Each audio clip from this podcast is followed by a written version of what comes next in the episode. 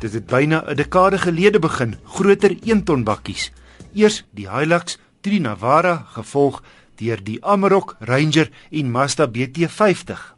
Verlede jaar het Isuzu gevolg. Die goedkoopste diesel dubbelkajuit is die 2.5 LE met agterwielaandrywing. Opvallend van die nogal aantreklike bakkie is dat hy hoër en breër en langer as die vorige geslag staan. Dit beteken heelwat meer spasie binne as die vorige model. En dit is vir al die agterste passasiers wat nou ook gemaklik sit. Ek as 'n langer as gemiddelde ou pas gemaklik agter myself in. Harde plastiek op die paneelbord dra by tot die plat op die aarde en tawwe beeld van hierdie bakkie. Alles mooi uitgelê, maar geen onnodige tierlantuintjies op hierdie model nie. Ligversorging, elektriese spieëls en vensters 'n geïntegreerde radio CD-speler, alloy wiele en die deure wat outomaties sluit by 20 km/h. Maar byvoorbeeld geen ritrekenaar nie en net twee lugsakke voor en ABS remme, geen wieltolbeheer, sy lugsakke en drie sensors nie. Die 2.5 turbo diesel is oorgedra van die vorige model en dis nog 'n rasige eenheid.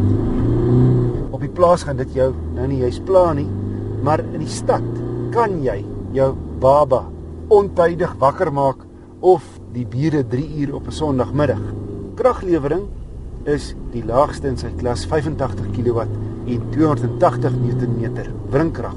Vat nou die Ford Ranger sy eweknie wat 'n kwart meer krag uitskop en meer as 3 sekondes vinniger is van 0 na 100.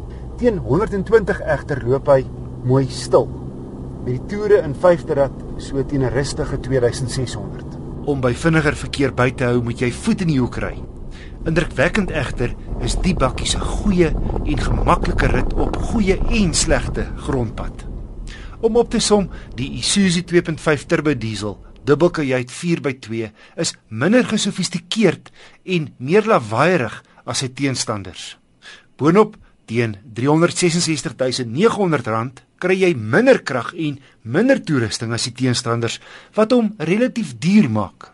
Nie almal sal van sy robuuste aanslag hou nie, maar ek kan verstaan hoekom boere so lief is vir hierdie bakkie.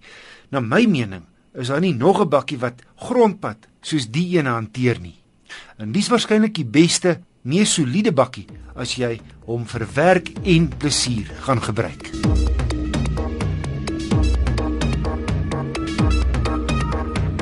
Chevrolet het onlangs sy top petrol cruise sedan opgradeer. Die grootste verbetering is dat die 1.8 plek maak vir 'n 1.4 turbo.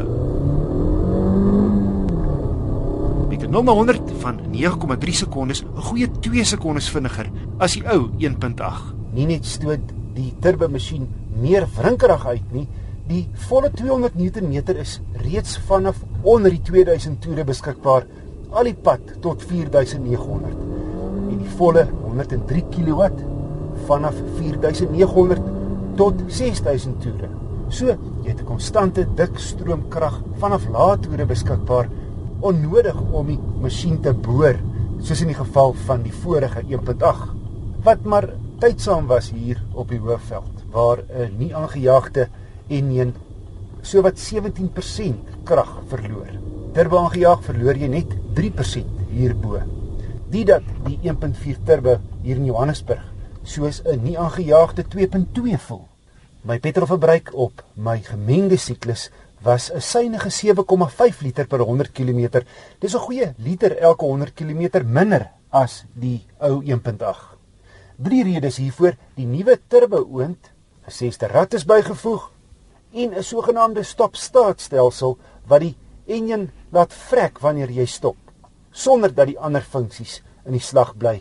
En sodra jy die koppelaar weer intrap om hom in rad te sit skop die enjin onmiddellik aan die brand. Die Chef Cruise 1.4 Turbo LS is teen net onder die 250 000 rand ruim sedan goed toegerus suinig met die sous met genoeg krag vir vinnig verbysteek.